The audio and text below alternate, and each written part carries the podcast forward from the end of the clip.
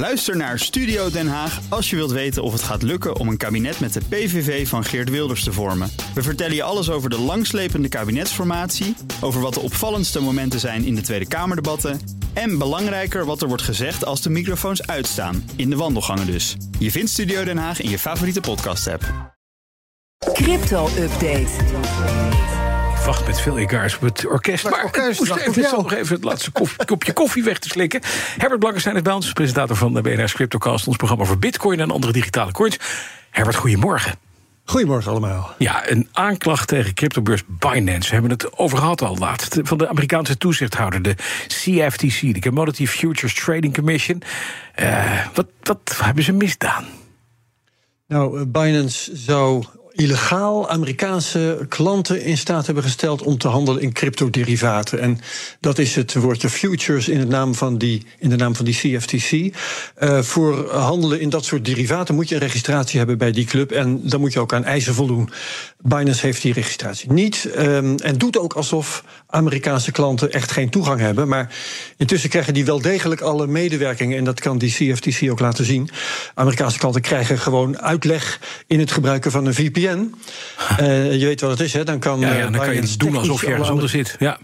Ja, precies. Technisch blokkeren ze dan Amerikaanse adressen en eh, ja, wassen ze hun handen in onschuld. Maar de klanten kunnen via een omweg toch gewoon naar binnen. ja, en is iedereen nu helemaal bang eh, voor de CFTC of totaal niet? Nou, niet zo. Als je kijkt naar de markt, dan valt het daar erg mee. Op het nieuws eerder deze week ging de bitcoin eerst een procentje of vier omlaag. Nou liggen we daar in de cryptowereld al niet eens wakker van. Maar die schade is ook nog een keer snel goed gemaakt. Vannacht was het alweer eventjes boven de 29.000 dollar. Eh, de, op dit moment 28.600 ongeveer. Dus er is eigenlijk vrij weinig opwinding. Ja, maar toch dat Binance, hè, dat, is, dat heeft een probleem. We hebben het laatst ook over gehad. Ze krijgen steeds meer de, het vuur na de schenen gelegd. Eh, eh, ze worden beschuldigd van allerlei dingen. Het, het, het zijn cowboyeske clubs, noem maar op. En hebben ze nu een groot probleem?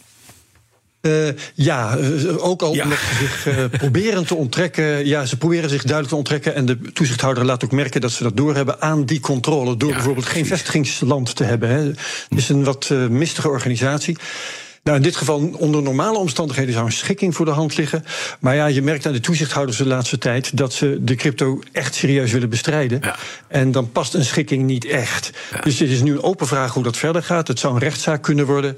En daaruit zou dan een boete ko- kunnen komen. Of misschien wel een verbod op bepaalde activiteiten voor de Amerikaanse markt. Dat is dan ook weer moeilijk te handhaven. Dat weet de toezichthouder ook wel. Maar het is in elk geval een ander soort kwestie an- dan al die faillissementen van de laatste tijd.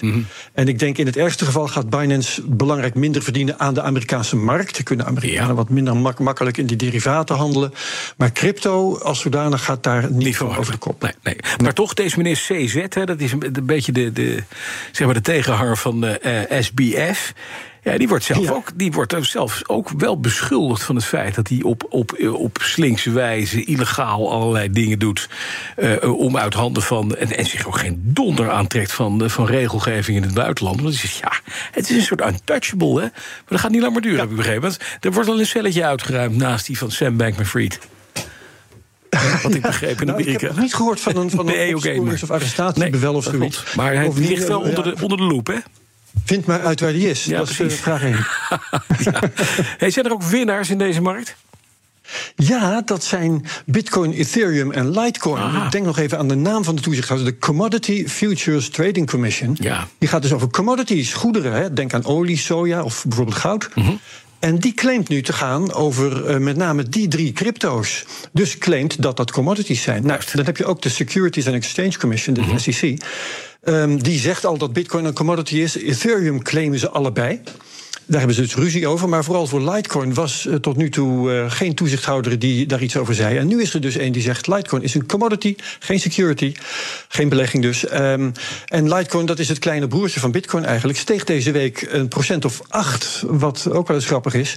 En intussen is daar nog 4% van, van over. Dus bij Litecoin vieren ze feest. Ja, ja, dat is mooi. Eh, Dan Ripple, beter gezegd XRP. Dat is van het Ja. bedrijf Ripple. Eh 50% bij in twee weken. Alleen, Ja. ja Dat is natuurlijk hard- op de cryptomarkt vinden we dat bijzonder. Ja, dat is natuurlijk hartstikke mooi. Ja, ongelooflijk. En dit, dit is ook in het teken van die discussie securities, commodities, beleggingen of goederen. Eh, Ripple is al een aantal jaren verwikkeld in een proces met die SEC. En de SEC wil ehm, eh, aantonen dat XR, XRP, sorry, XRP een security is. En Ripple verzet zich. Ja. Eh, wat logisch is, want anders zijn ze jaren illegaal bezig geweest en eh, krijgen ze daar straf voor. En elke keer als er een zitting is in die zaak of een tussenuitspraak, dan reageert de koers daar weer op. Nu is zulk nieuws er niet. Er is geen officieel nieuws over. Komt er een definitieve uitspraak? Laat staan hoe die zou zijn. Maar het is wel duidelijk dat de markt iets verwacht en dat behoorlijk zonnig inziet voor dat XRP. Ja. Eh, gunstige uitspraak voor XRP zou ook goed nieuws zijn trouwens voor andere coins die niet Bitcoin heten of Litecoin. Maar op dit moment zien we dat in de markt nog niet terug. Wel bij XRP dus. En dan MicroStrategy, het eerste bedrijf dat sparen ging in bitcoin. Gaat er gewoon mee door. Ja, toen de koersen daalden vorig jaar, toen eh, was het even spannend. Want ze hadden eh, een deel van die bitcoins ge- gekocht met geleend geld. En alles wat ze hadden gekocht stond in de min en goed ook. Eh, en de vraag was bij welke koers gaan ze nou gedwongen moeten verkopen? Hè? Krijgen ze zo'n margin call? Nou, intussen is de kou uit de lucht, want er is een procentje of 50 bij de, de bitcoin-koers. Ja. Ehm, MicroStrategy heeft nu bekendgemaakt dat die lening van 200 miljoen, die ze trouwens hadden afgesloten bij Silvergate, dat die ja. compleet is afbetaald. Hm. Dus de bank die onlangs failliet ging. Dus fijn voor de schuldeisers, die hebben alvast procentjes. 200 miljoen weer op de rekening. Ja. En MicroStrategy dacht, we zijn lekker bezig, we gaan nog eens door. Ze hebben nog eens voor 150 miljoen bitcoin bijgekocht.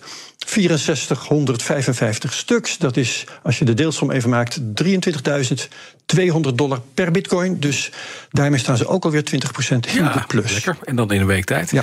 Dan, wat heb je in de CryptoCast deze week? De Oostenrijkse school in de economie, eh, veel bitcoiners zijn daar gecharmeerd van.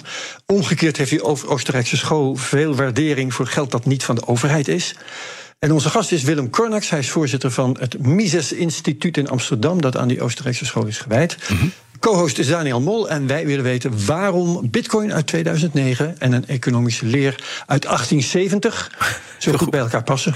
Dat gaan we dus horen in de CryptoCast deze week. Alle afleveringen van de hand van Herbert Blankenstein en de CryptoCast zijn te horen via de BNR-app, bnr.nl of de podcast-app van jouw keuze. Crypto-update wordt mede mogelijk gemaakt door BitTonic. Al tien jaar lang de Bitcoin-autoriteit van Nederland. Ook Diana Matroos vind je in de BNR-app. Ja, inderdaad. Je kunt live naar mij luisteren tijdens de Big Five. Ook handig in de BNR-app. Breaking nieuwsmeldingen, maar ook het allerlaatste zakelijke nieuws. En je vindt in de app alle BNR-podcasts, waaronder Wetenschap Vandaag. Download nu de gratis BNR-app en blijf scherp.